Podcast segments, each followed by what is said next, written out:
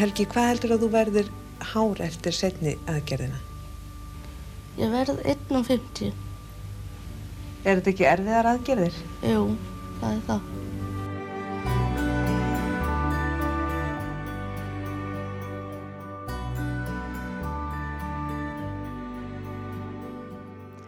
Þarna heyrðum við Helga Óskarsinni fyrir 35 árum síðan í viðtali í Kastljósi sjómarsins. Þá var hann nýkomin heim frá Kurgan í Sýberíu þar sem hann undirgegst erfiða lengingar aðgerð sem hafi þá lengtan um 20 cm. Aðgerðirnar urðu þrjár á nokkrar á tímabili, erfiðar, kvalafullar aðgerðir sem skiluðu sér í því að hann lengtist um 40 cm. Í þættinum í dag heyru við sögu helga sem fór frá því að vera 114 cm í 154.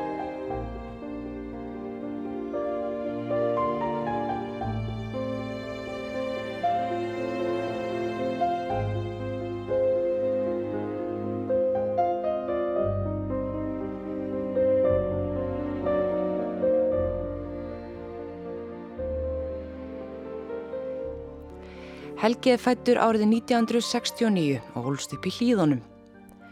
Hann er með fæðingagallar sem orsakar hjá hann undir verkvöxt.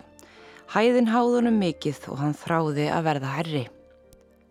Hann átti trösta vini í hverfinu sinu en vað líka fyrir aðkasti eins og vill því miður ótt verða fyrir þá sem eru öðri sig og eitthvað nátt.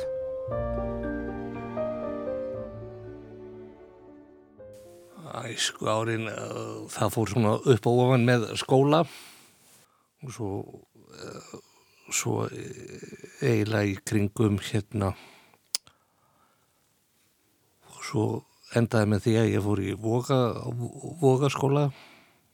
Og þar átti ég þetta góða tíma og góða, góða vinni og, og, og gott, gott fólk og, og það var svolítið það var virkilega spennandi og skemmtilegi tíma Helgi hóf skólagönguna í Öskulíðaskóla og erfitt með að rifja upp þann tíma.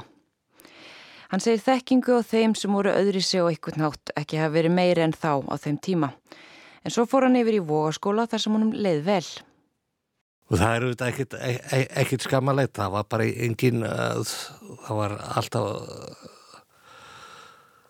fólk einhvern veginn bara fann ekki þá aðra leiði til að fara með fólk sem var eitthvað öðruvísi og jújú, jú, ég skal maður var eitthvað auðvitað aðeins eftir á en ég til, til það í dag að það sé ekkit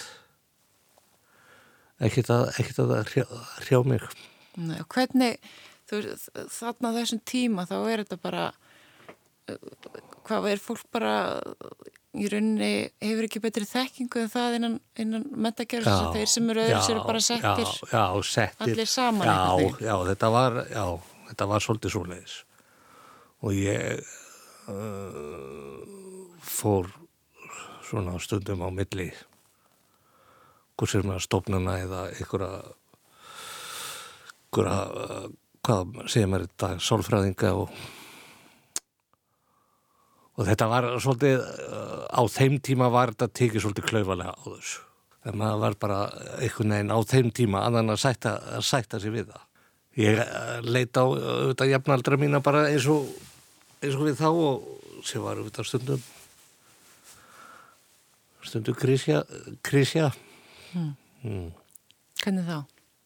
að því maður var auðvitað öðruvís og maður var fólkið tók manni auðvitað misvel hvort sem eða maður var innan um fjölda fólks eða í að hann að skemta sér eða eitthvað annað.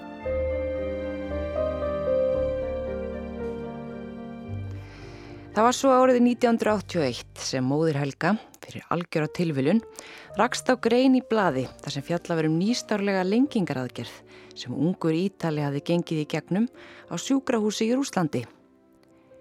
Lengingin fór þannig fram að bein voru tekin í sundur á nokkrum stöðum, færð til, stálringir settir á útliminn sem átt að lengja fyrir ofan og neðan þann stað sem beinu voru tekin í sundur. Þræðir eru síðan settir í gegnum beinið og festir í stálringina sem sjáum að allt haldist á sínum stað. Beinið er síðan tekið í sundur með sérstakri tækni og býða þar í 5-6 daga eftir að það jafni sig. Síðan er beinin skrúfaði sundur um það byl 1 mm á dag og eftir því sem það er skrúfað meira í sundur, lengist það meira, því nýtt bein myndast á milli. Þessu fylgja miklar kvalir. Eftir að hafa lesið greinina sendi fadir Helga, Óskar Einarsson, bref með hjálp rústenska sendiráðsins til sjúgráðsins í Sovjetríkanum og þeim barst svar. Þá vildi sjúgráðsi að þeir kæmu sem fyrst og Helgi var meira enn til í það. Hann þráði að verða herri en það hamlaði hæðan sonum í mörgu. Hann var til dæmis mikill bíla áhuga maður en vegna stærða sinnar var ekki líklegt að hann geti kert bíla í framtíðinni. Fadur Helga fór með honum til Rúslands og var með honum allan tíman. Fyrstum sinn heldu feðgarnir að þeir eruðu úti í um hálft ár en fyrsta meðferðin varð að heilu ári.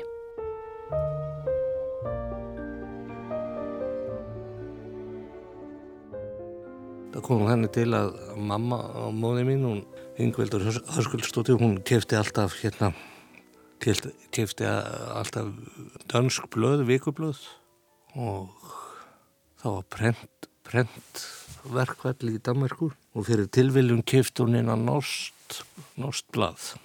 Hún fó, fóru þetta, skoða þetta og sá svona grein um Ítala sem ég hitti þannig líka, hitti þannig úti sem var ágættisfélagi með þá. Og þá var, þá var hann að fara í aðra aðgerð nummið tvö sem var viðtalið við. Hvað var hann að tala um þessu viðtalið þá? Það var bara að tala um að því þá var nýbúð að viðurkenna þessa aðgerðir og þetta, þetta vakti aðtikli, aðtikli á, á hana þeim tíma og, og þetta, mennum fannst þetta svolítið, fannst þetta uh, svona spennandi og, og, og sjá svona hvað, hvað var, var hægt að gera. En hvers konar aðgerðis voru þetta? Þetta var að láta lengja leggi og læri og svo hendur og svo er líka auðvitað hægt að lengja bæði fingur eða putta fingur og, og eina fram, framhandliki og svo komu auðvitað fólki í allavega ástandi sem var kannski vantaði var kannski búin að missa útlými og, og sem var eiginlega læknar voru búin að eiginlega gefast upp og þeir voru sendir hérna hvort sem er rússar eða frá öðrum, öðru þjóðum Þannig að þessi læknar þarna þessum spítala voru þú búin að finna upp þess aðferð já, til þess að lengja fólk. Já, hann, þessi profesor, profesorinn Gavrilo Bramovic Íli, Íli Sarúf og við fengum einhvern veginn, við fengum fengum, það var svo ótrúlegt við vitum ekki út af hverju en við fengum einhvern forgang og pappi, pappi fór í rústænskar sandiráði þegar mamma var búin að sína honum þessa grein. Og já, skrifaði, þá var skrifað út og þá var þetta ekki til þessi meil eða, eða þannig séð í dag og ekki hægt að ringja, ringja þannig út og, og fengum svar eftir hálft ár og við ættum þá að koma bara sem fyrst að því við heldum að það myndi, myndi verið eitthvað byggð. Lækninni sem þróiði aðferðina og búnaðin við aðgerðnar hitt Gavril Abramovits Ilsarov. Þegar Helgi fór í aðgerðnar voru þær konar skamt á veg, tóttu tilrunakjöndar og sættu gaggrinni. Árangur aðgerðana var til þess að aðferðar hans voru teknur upp víða um heim, meðal annars hér á Íslandi, en nokkur íslenski læknar fóru út til að kynna sér aðferðar hans sem þeir innleitu svo hér á landi. Aðgerðina voru ekki bara gerða til að lengja dvergvaksi fólk, heldur eignið til að hjálpa fólki sem var til dæmis með mislanga fótleggi.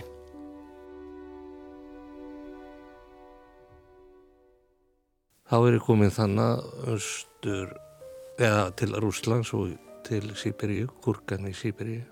Og segðu mér að mannstu eftir þessu þegar þú fórst þetta nút? Já, þetta var, þetta var, var þetta, mjög, mjög sérstatt og mikið, mikið á eftir okkur en við vissum eiginlega ekki hvað við, þannig, þannig séð hvað við varum að fara út í vannstu eftir bara, eða bara byrjar frá því að þið bara farið út fljóðu út mannstu eftir þessu? Já, já, það var auðvitað við, auðvitað flugum, flugum til Kaupnahafnar og svo fóru, tóku við svo flug eftir ykkur á tvo daga því við stoppuðum í Kaupnaf til að þurftum að stoppa þar að því.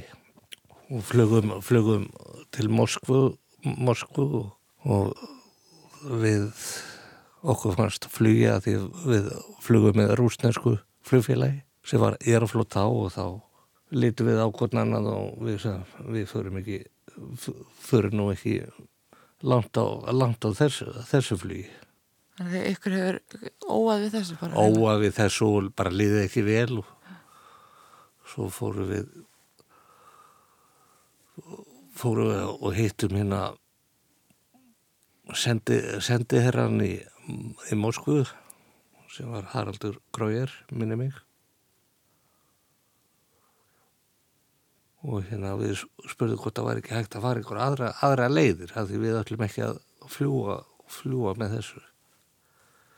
Og þá hérna bróstunum sagði nei þið, þið, þið fáið ekki, ekkert að fara aðra leiðir. Þið annarkot fljúiði eða farið ekki eða verður bara snúa, snúa við. Og það var líka sama flugið eða álíka flug sem var svona frekar frekar hérna reysjót flugið Það var ekki langt flug? Jó, jó, þetta var frekar, frekar langt flug frá, það voru ykkur, minni með þrý tímar frá Kaupnafn og til Moskvu og, og ykkur, ykkur svipað, svipað þarna til Gúrgan í Sýberi og, og þetta, og við vorum með þess að látnir setja yfir vangjónum sko því við vorum óglitingar, við mættum ekki sjá sko hvað var hérna niðri og það var, það var auðvitað fylst, fylst með okkur uh, frá, frá þessu uh, KGB-mönnum eða hvaða, hvaða er. á leðinni Já, bara frá upphafi til enda. Já. Og svo komið til hvað, Rúslands, þá farið á yfir á spítalan Spítalan. Og voru þetta svona svolítið frumstæðar aðstæður? Já, þetta var f- miklar, miklar frumstæður. ólíkt því sem við kannski Já. máttu vennast þér heima? Já, og svo held ég bara sama dag eða sama dag og ég kom á spítalan eða s- svipað og að því ég var í svolítið millri skoðun skoðun áður en að aðgerðin var gerð tekna myndir og allavega. Og þá hitt ég þennan Ítala. Sem hafði verið í greinni sem mamma þín las. Já, og þá var hann með tæki á sér. Tækiðu það er. Eða þetta fyrirgeðu þetta apparat, apparat sem sem var utanum utanum lærin. Og sagði, sagði, sagði svona við mig Jú, þú, þú ert íslendingur þetta er sárt, en þetta er vola gott að eftir á. Þetta er alveg að þess verði að þú ferð svona með þessi orð kannski svolítið inn í þetta ferli. Já. Við heldum alltaf að þetta myndi vera bara ein aðgerð og ég myndi bara fara í, eða ég myndi bara fara í eina aðgerð og svo yrði það bara búið. En svo þetta sá maður, sá maður hvað, sá maður hvað það var, það var hægt að gera meira bæði með lær, lærileggi að því ég fór fyrst í leggina og svo ekki lærin og svo upphandleiki. en þessi aðgerð, þú kannski kemur aðeins inn á það hvað, um hvað nákvæmlega snýst þessi aðgerð sem hún fórst út í út í þetta snýst um snýst um það að hérna að beinið er brotið og, og hérna og það eru settir settir svona þunnir þunnir naglar í gegn um beinið. Ekki eins og sem er halda að hafi verið teikt á beininu. Það var beinið brotið á tveimur stöðum. Og svo eru settir na- svona þunnir, þunnir sterkir naglar spísar eins og ég kalla það í, í gegnum beinið á, ána nokkru stöðum. Svo settið stálhringir og er, svo er skrúfað svo, svo hefst þetta að skrúfa. Að skrúfa? Skrúfa það var á þeim tíma þá skrúfað bara mætt með 10 mm líkil og, og skrúfað tvísvar til þrísvar á dag. Það lítur að vera sársökafullt Já, þetta voru einn, einn og hálfur til tveir, tveir millimetrar á dag. Jú, ég skal alveg inn að viðkynna það að þetta var sársöngi. Þannig að fyrst ferði aðgerina þessum þessum nöglum eða spísum er komið fyrir og svo tekum við ferli þessum að það er skrúfað.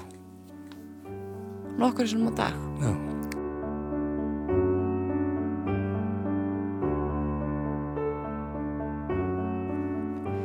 Aðstæðunar á spítalanum í Kúrgan voru nokkuð frumstæðar og var til dæmis ekki óalgeng sjón að sjá hjúkunarfræðing með skiptilegil í hendinni. Og foreldrasjúklingana, sem langt flestir voru börn, sáum að þrýfa spítalan og tóku mikinn þátt í umunum sjúklingana. Þar var mikið að fólki sem dvaldi þar lengi og því kynntust Helgi og fadir hans, hínum sjúklingunum og aðstandinu þeirra vel. Helgi fann mikið til eftir fyrstu aðgerina en let það ekki mikið á sig fá og harkaði sér í gegnum þetta.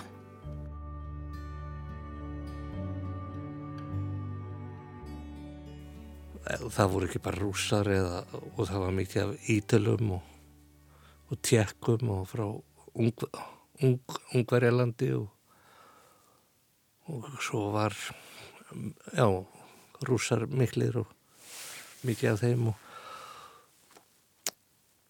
og ég man alltaf, alltaf eftir því hvað hérna, þeir sögðu sem er rúsarnir sem voru að koma frá þessu allavega þannig að þeir hafi ekki þetta hafi, hefði verið skemmtilegra það er skemmtilegra að vera hérna á spítalarnum heldur en heima því það er svo mikið eimt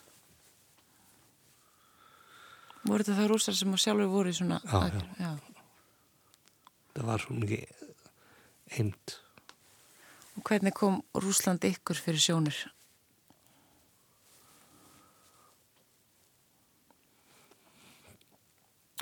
Það var, það var bara virkilega spennandi og stórt. Maður gerði sér ekki alveg grein fyrir hvað það var stórt, stórt og mikið. Þetta voru þetta vir, virkilega frumstæðar aðstæður hann úti og en þeir, ég held að mér, mér skilst að þeir eru þeir eru búin að þetta sé orðið virkilega flott og reynd núna með að við hvernig var fyrir ykkurum, hvað er það, 30 árum 35 árum Og hvernig, þið fóruð þarna út, þú og pappin, pappin er með þér allan tíman. Já. Fyrstu ferðinni, eru þið, hvað eru þið lengi? Áttum að, heldum að við myndum vera bara í sex mánuði, en vorum réttum ár. Þannig að þið eru heilt ár hérna bara á spítalunum. Já. Pappin er með þér allan tíman. Já. Um, hvernig, svona ykkar líf þá bara í þetta ár snerst þá bara um þetta Já, já, þetta ferli allt saman já.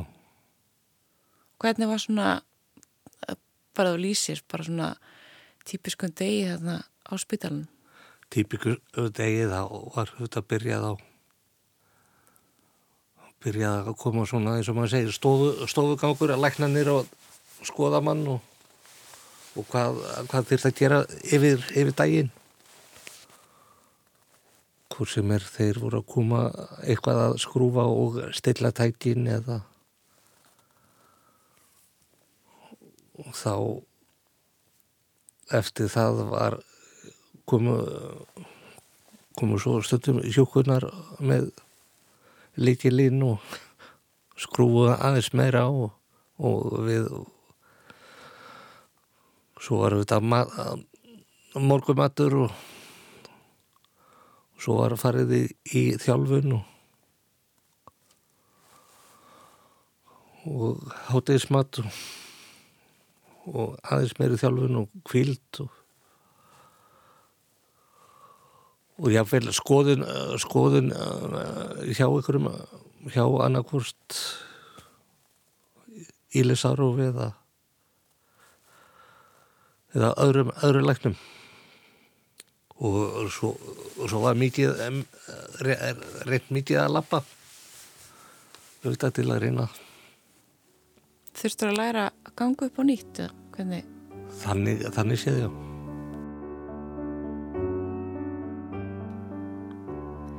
Meðferðin var nefnilega mjög kvalafull. Helgi var með mikla verki en þó var meðferðin nummið tvö mun sársekafyllri enn svo fyrsta. Helgi var í 11 mánuð á spítalunum í fyrsta skiptið. Maturinn á spítalunum var nánast óætur og faðina saði mikið fyrir því að fá mat fyrir hann og mjölk sem hann ferði honum á hverjum degi. Helgi telur undar að það hafi verið líkilina því hversu vel hafi gengið fyrir beinans að vaksa, en það vekti eftirtækt á spítalanum. Fadir hans kynnti fleiri sjúklinga fyrir mjölkinni og áhrifum hennar, en Helgi segir það hafi verið mísjaft hversu trúar þeir hafi verið á virkni hennar. Þeir sem hafi fyllt ráðum hans hafi þó verið fljótari að jafna sig en hinnir. Svo var pappi, pappi svo duglegur bæði með mat og annað að því hvort sem þú, þú eða, eða ykkur aðri, við myndum ekki borða þennan mat á sjúkrásin. Hvernig var hann? Hann var bara ekki bóðlegur. Skulum orðaða bara þannig. Og hann fór þá að kipta mat fyrir Já, já. Og það var ekkit auðveld að ná í mat. En ég fekk þetta, svo fekk ég þetta eins og ég var meðan pappi, pappi leiði, ég var alltaf að spurja hann. Pappi, gerðu svona kjötið svo þú gerðir, steikti svona kjötið svo þú gerðir úti í því þeir kunnaði ekki hérna heima. Og við fundum þetta aldrei rétt að kjötið. En þá var, það, var hann bara með ykkur samböndana sem maður vissi bara ekkit um. Sem hann kom þá bara með þeirra mat. Já, og svo eftir, eftir að við vorum búin að lengja hvort sem er í fyrstu eða annar aðgerð þá, þá, þá kom, þá kom mjölkin svo vel í sögu. Mjölkin? Mjölkin. Letaði mig drekka, drekka milla mjölk, ferska, þó að hún var nú ekkert sérstök en að rústinska mjölkin. En þau, þau eða pappi fann, fann alltaf ferska mjölk og ég var svo fljótur, fljótur að mynda bein. Fyrsta aðgerðin gekk vel og að 11 mánuðu liðnum komu þeir feðgar heim og þá hafði Helgi lengst um 18 cm. Teki var viðtal við Helga og Óskar föður hans, aukunnast Þórs Jónssonar Læknis sem hafði fylst með Helga fyrir og eftir aðgerðina. Viðtali var í Kastljósi sjónvarsins og Sigurveig Jónsdóttir tók það. Hér lýsir Gunnar aðgerðinni. Gunnar Þór hefur fylst með Helga Óskarsinni bæði áður en hann fór til Sovjetríkjana og eins eftir hann kom heim. Lengingin á Helga var framkvæmda á báðum leggjum og þar sem að uh, átt að gera mikla lengingu að þá hefur lengingin verið gerð á tveimur stöðum á leggnum. Og þetta hefur verið gert með því að það hafi verið settir inn uh, krossaðir pinnar sem festir er á ring umhverfisleggin á þrem stöðum, fyrsta lagi hér nýður við ökla, hér á miðjunlegg og hér uppi upp undir hér. Uh, síðan hefur leggurinn verið brotinn á, mill, á milli þessara ringja og hér hefur verið farið inn uh, með litlum skurði, meitlað aðeins inn í beinið og það síðan brotið. Á sömulegðis hefur verið farið inn hérna og beini broti sundur hér. Uh, Samskona brot þarf að gera líka á sperilegnum hérna utanverðu en síðan hefur sagt, lengingin eða tegjingin farið fram á, á þessu bíli þannig að lengingin er, er hér á milli og hér á milli. Lengingarhraðin er 1 mm á dag það er að segja halvur millimetri á hvorum helmingi. Óskar, fadir Helga, var spurur út í tildröð þess að Helgi fór í aðgerina. Ég um, las uh, Norst vikublad og það sá ég grein um ítalskan dreng sem ég uh, uh, fjallaði um lengingu á samskona vöxnum og eins og sonu minn er.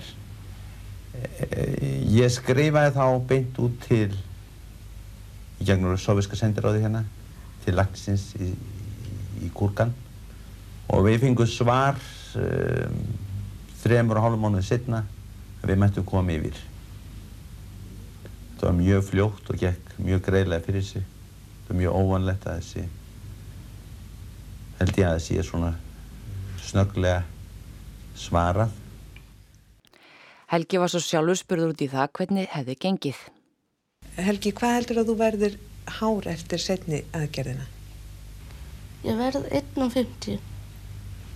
Er þetta ekki erfiðar aðgerðir? Jú, það er það. En þú ætlar samt að fara aftur, Já, alveg ákveðin. já. Hvernig gekk þér að skilja rúsneskuna? Mér gekk það bara vel. Getur þú leift okkur að heyra eitthvað? Já. Mm. Spasibo, það þýr þakka þér fyrir. Hvað voruð þið lengi hana? Við vorum þenni 11 mánuði. Hvað hafðið þú fyrir stafni allan hann tíma? Ég var þarna, nummer eitt að, eh, var nú að sjá um son minn, hann Helga og koma honum áfram. Svo vann ég við sjúkarhúsi við að þjálfa aðra krakka sem voru á svipun Reykji og Helgi. Finnst þér þið líðið betur eftir lenginguna? Já, Sér þú mun á honum, Óskar? Já, það er, þetta er stór, allt annað líf fyrir hann. Nú, númer eitt að það er, náttúrulega hann hafa hækkað með um 18 cm, það er ekki svo lítið. Uh, úr einum á 14 upp í 32 sem hann er orðið núna. Nú, og svo að þetta að hann fær svo mikið, mikla tiltrú á lífinu andlega hefur hann breyst svo mikið. Hann er miklu léttari, hann er miklu ákveðnari og lífsglæðari, finnst mér. Þá erum við, og hann líður mikið betur.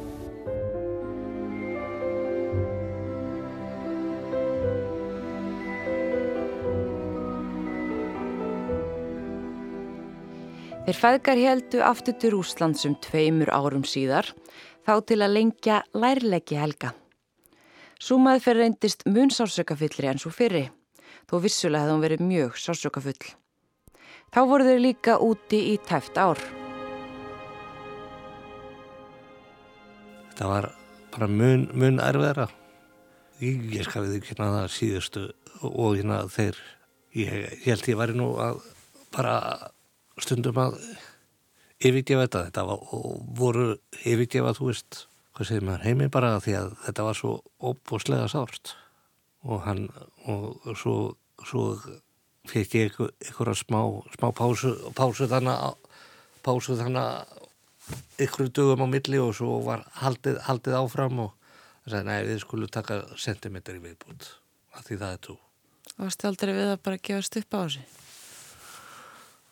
Jú, jú, ég skal við kynna það, en, en, en pappi, pappi hittinn, hann var, hann var, hann var auðvitað, stappaði, stappaði stálinu og, og ótrúlegt hvað, hvað hann var duglegur og ég maður auðvitað hugsaður eftir á, auðvitað hefur hann stundum brotnað, brotnað niður og maður sá auðvitað, sá auðvitað fóreldra stundum brotnað hann niður, hvernig að því átökin, átökin voru svolítið mikil. Og það var einnina, einn Ítali hérna með mér sem var sem því miður gafst upp. Fóreldrarnir hafðu báða fóreldrarna og, og þú veist ég svolítið gróft að segja að þau voru bara ekki nógu eina sterk sterkt til að vera í þessu. Þið gáðist ekki upp? Nei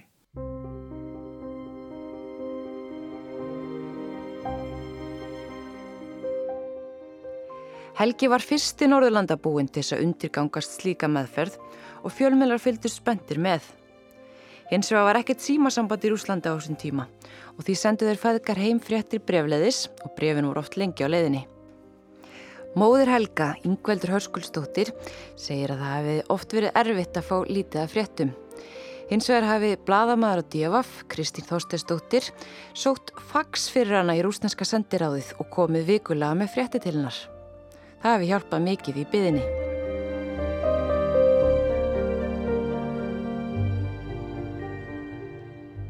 Verkinni voru miklir, stundum fekk hann verkjali við þeim en ekki alltaf. Hann komst að því að vodka dugði vel til að deyfa sársökan. Já, það var nú með tvö þá, þá samt ég við vingunum mínar hjúkunar að stundum að koma með blessaðan vodkan. Hvað erstu gammal hana? Hvað var ég? 14-15 ára? Þá drakstu bara til þess að deyfa þig. Já. og virkaði það. Já, en ég var líka skammað daginn eftir þegar var, var ekki blóðpröfa. Og þá var vodka í blóðinu. En þú ge- gerðir mikið að því Af, að drekka vodka það úti. já, svona þegar á þessu stóð og það eins og, eins og þetta var, var það nótið, þetta var svolítið, þetta var ekki bara eins og á veitingahúsi ykkur hömlulegs drittja en þetta var, þetta var auðvitað mikið drittja á hérna og læknarnir voru kannski gjörsalega búnir eftir aðgerðinar og, og þá, þá fór ég veit að fór stundum pappi, pappi og, og hérna hér drakk hérna með þeim Þau var reynd af fóreldrana. Já, Þau eru að hlusta á börnin sín kvæljast. kveljast og gráta Þá stundu grátið aðna heilu nætunar. Já, já og einu sinni einu, einu sinni skal ég segja þér í fyrstu aðgjörni þá var hann var síðustu sentimetranir á leggjónum þá kom einnig að herbyggisfélagi minn með rakspýra heldi onni mig og þá var ekki til til neitt annað þess að deyfa verkina. Og drakstu rakspýra. já, þá held ég að vodki sé betri eða var betri að þetta hefur verið það óbærilegt að þú er tilbúin til að gera allt þess að losna við kvælunar.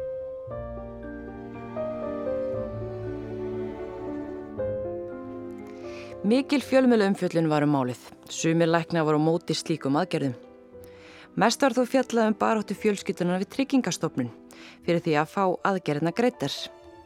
Aðgerðina voru kostnaðasamar en sjúkratrygginga vildu fyrst um sinn ekki taka þátt í kostnaði þar sem þeim þótti fylgja of mikil áhætta. Niðurstaðan var þó svo eftir mikla baróttu að tryggingastofnun tók þátt í kostnaðinum.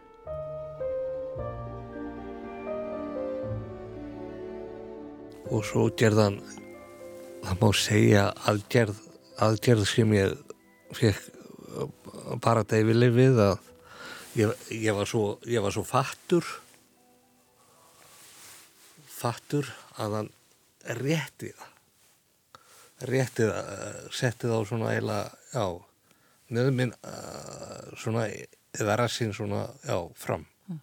Og það var svolítið erfitt og, og ég held að það var nú líka, ég held að það myndi nú vera síðasta. En svo, svo hérna kom hann kom hann og gaf mér það held ég sterkast það sem ég fengið og þá hérna sveif ég, ég um og, og þetta tók nú rúmlega við vorum hana í þessu rúmlega kvöldstund og eitthvað fram eftir nóttu í eina þessu að snúa, snúa hana upp á mig og svo var ekki nóg með það ég held að ég myndi nú geta farið að sofa sæmilega. Þá var rúmið svona aðeins sett upp á við á annan endan annan endan og sett lóð sitt hverju megin til að halda halda sko í einhverja þrjár, fjóra viku minni mig. Halda þessu og hérna lóð sitt hverju megin við fætunar Það hefur ekki verið gott að sofa með það. ekki fyrst ég fekk þetta svolítið sterk sterkt morfin fyrst. Þannig að þetta er svona, þetta er mjög kvalar full vist. Já, já, ég skal viðkynna það. Á margan hátt. Hvernig var andlega hliðin? andlega hliðin var auðvitað líka skal ég viðkynna hún var auðvitað stundum búin. Erfitt að eiga, eigða úlingsárunum á spítala í, í, í Rúslandi já, í kvalaföllum aðgerðum til þess að lengja sig. já, Og svo ferðu heim eftir þetta ár, þá ertu búin að lengjast. Hvað ertu þá, hvað, í hvað, hvað ertu þá komin upp í hæð? ég var eitthvað rétt um 1.50 hvað, þá var ég komin í eitthvað 1.50 eitthvað milli, milli 1.50 1.55 minni mig Frá 114 cm. já, Já. Þetta er, þetta er heil mikil hækkun. já, Og en þú ferði aftur út í þriði. já Og hver var tilgangur hennar? Þá var það upp, upphandlíkir Var það, Það var að því að ég gætt verið svo mikið á ferðinni, gætt lappað um auðvitað líka. Það var, uh, það var mun auð, auðveldara. það er gert eins líka. Já, það er gert eins. Og hvað tók það langa tíma? Það tók eitthvað svipaðan tíma rétt um ár. Og þá var pappiðin líka með fyrir. Já, Bjó hann með þér á spítalinu þá? nei, nei, nei. Nei, hann bara Þú varst á spítalum Já, já, já, ég var á alla tíman á spítalan. Og það var bæði, bæði, sko, fólk, fólk með á móti og hvort sem er læknar eða að því þeir bara þekkt ekki, þekkt þetta ekki. Og í hérna fyrstu var fjölskyldan sem komið saman til að, til að hérna borga, borga fyrstu, fyrstu ferðina fyr, fyrir okkur út. Þetta kostað sitt. Já, já, þetta kostaði sitt. Og þetta var svolítið manni, manni og manni eftir því að þetta var svolítið mikið bladamál og og, og hérna læknar, læknar hérna heima voru bæði auðvitað, þegar við komum heim í skoðun og þeir vildu skoða skoða þetta það var auðvitað með, með og, og á móti. Og það var einnina læknir sem var, sagði, að, sagði það að ég, ég mun ekki mun ekki ná, ná langt í þessu ég myndi enda bara í hjóla, hjólastól. Og gamli maðurinn pappi, pappi hittinn ég hef aldrei séð svipin á svipin á gamla manninum þennan, þennan svip. Það var bara klætt í og og vinna skellt, skellt hurðum. Er ekki sáttu við þetta? Nei, ég ætti hérna svona. Það var mjög verið fylgst með málunum en þú náttúrulega varst úti síma sambandslaus og þið sendið bara brefa fjölmjöla já, já Já, já, eða bara heim og fjölmiðlar fjölmiðlar fylgdust mikið með því hér og og fó- fólk var mjög hyssa á þessu. Já, já. Og mér fannst svolítið óþægilegt eftir, eftir fyrsta viðtalið þá fór ég eitthvað, fór ég með æsku félagunum mínum eitthvað í bæin, til dæmis bara laugavegin og, og mér fannst stórðið, það var, ég var eiginlega bara stoppaður, þú veist, því þetta, þetta vakti svo mi- mikla aðegli og ég gerði mikið bara grein fyrir því ungur, ungur maður. Þú veist bara landstektur. Já, Og varstu var við mikla aðtegli, já, óþægilega aðtegli. já, já, stundum. Helgi hefur haldið vel utanum allar greinar og myndir frá þessum tíma og við flettum í gegnum nokkra sem hann síndi mér þegar hann kom í viðtalið. Dágóður bungi af fréttum, mest úr divaf og svo myndir frá ferlinu sjálfu. Þar má meðal annars sjá mynd frá því að Helgi helt fyrst út og þar til að meðferðina voru búnar. Og þar er dámikill munur á.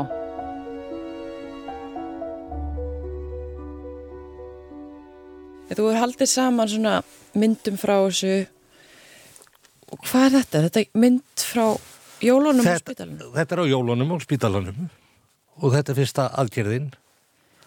Og hérna sér maður sko fullt af börnum, og börnum og, krökkum og ungmennum. Það er jólatrí í bakurinni og nokkur er þetta fremst hér er ykkur sem er í Þetta er ekki þú, Nei, þetta er ykkur sem hefur verið sambarilega já, já, já, sambarileg með svona, hvað kalla maður þetta, svona spelkur yfir Já, já, apparat. Já, þessir á hækjum. Að þetta hefur þið voru svo lengi að þið voru bara reynilega að fagna jólunum saman. Já, já, já.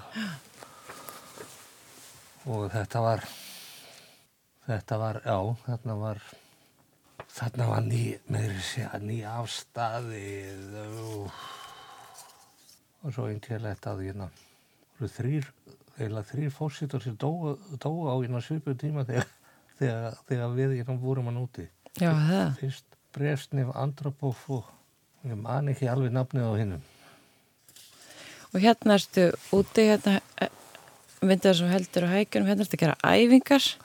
Hérna heima. Þetta er heima. Þá voru stífar æfingar á milli líka. já, Hér ertu látin lifta Þú eh, sko gegst í gegnum heil mikið til þess að ná þessu. Já.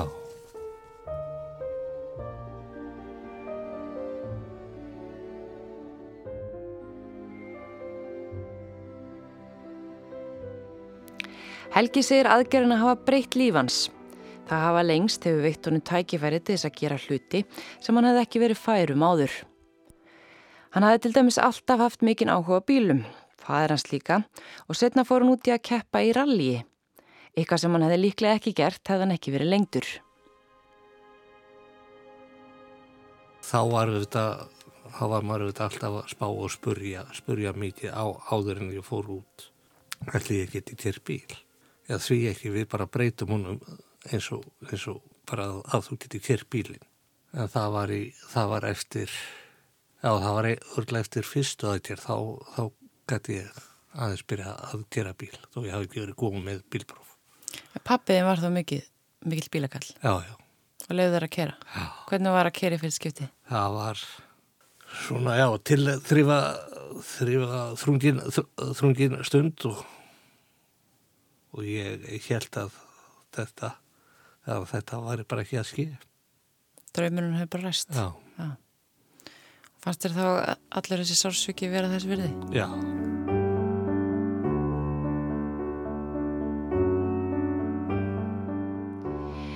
Þegar þriðju aðgerinu var lokið, þeirri auðveldustu og kvalaminnstu, þar sem handleikir hans voru lengdir, hafði Helgi eitt meiri hluta úlingsárana á spítala í Rúslandi. Hann kom heiminn á milli, kvildi sig og sapnaði kröftum, en vegna þessa fór skólaganga hans forgörðum. Þegar hann kom heim fór hann að vinna, fyrst á bílasölu á bróður sínum.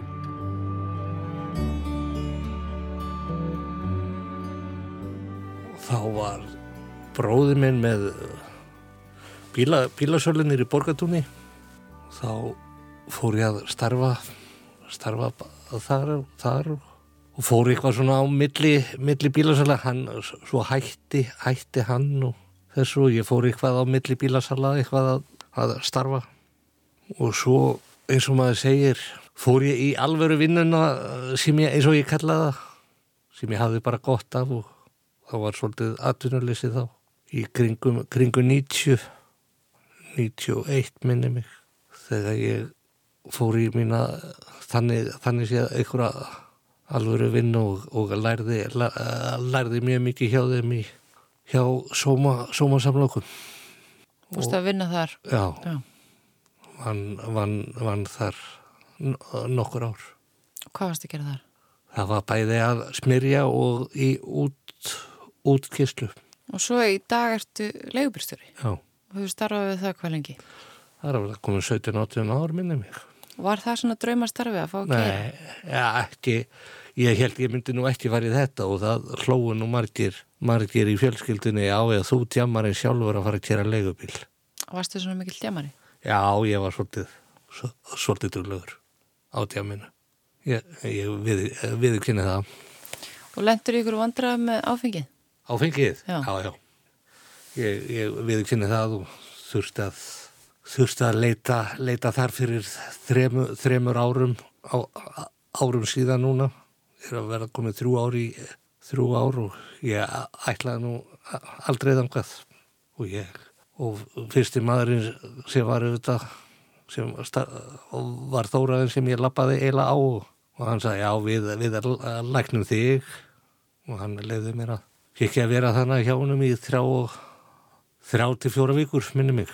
Heldur að þau þróa með þér ykkur áfengisvíknana strax þú byrjar að drekka vodkan úti? Já, Það byrja þar.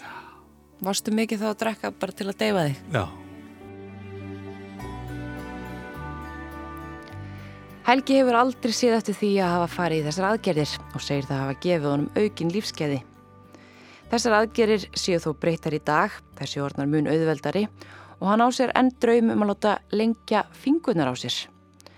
Hann er sáttu maður í dag og starfar sem leigubílstjóri.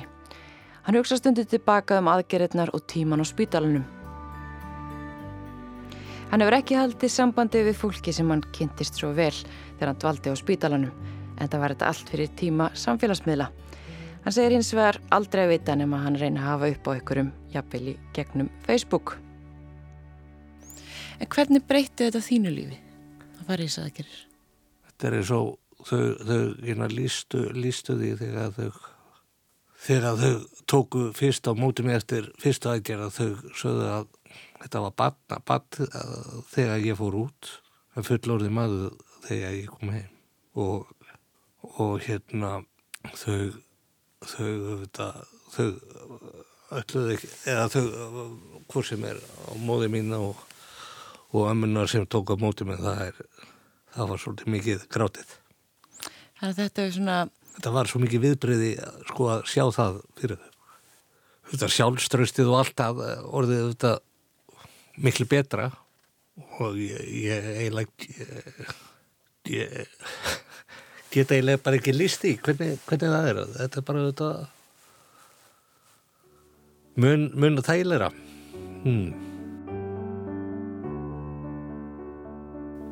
það þetta særi sko eins og ég vil hafa það og munu þetta ekki að breyta ég vil uh, bara kalla okkur lágvaksi fólk hmm. Lágvaksið eða smávaksið eða mér finnst það svo, sem er óskup eðilegt mér finnst það svolítið svona hallaristlegt svona dverg, dvergvaksið það er svona, já svona ekki kannski lágrulegt en svona aðeins fyrir neðan. En hvernig er lífið þetta í dag? það er mjög gott. Fegin að vera laus við bakkus og mér hefur bara ekki liðið, liðið jafnvel og liðið bara mjög vel. Það mikið sömur já, já, það mikið samar Og sér það ekki eftir að hafa farið þessar aðgerðir Nei,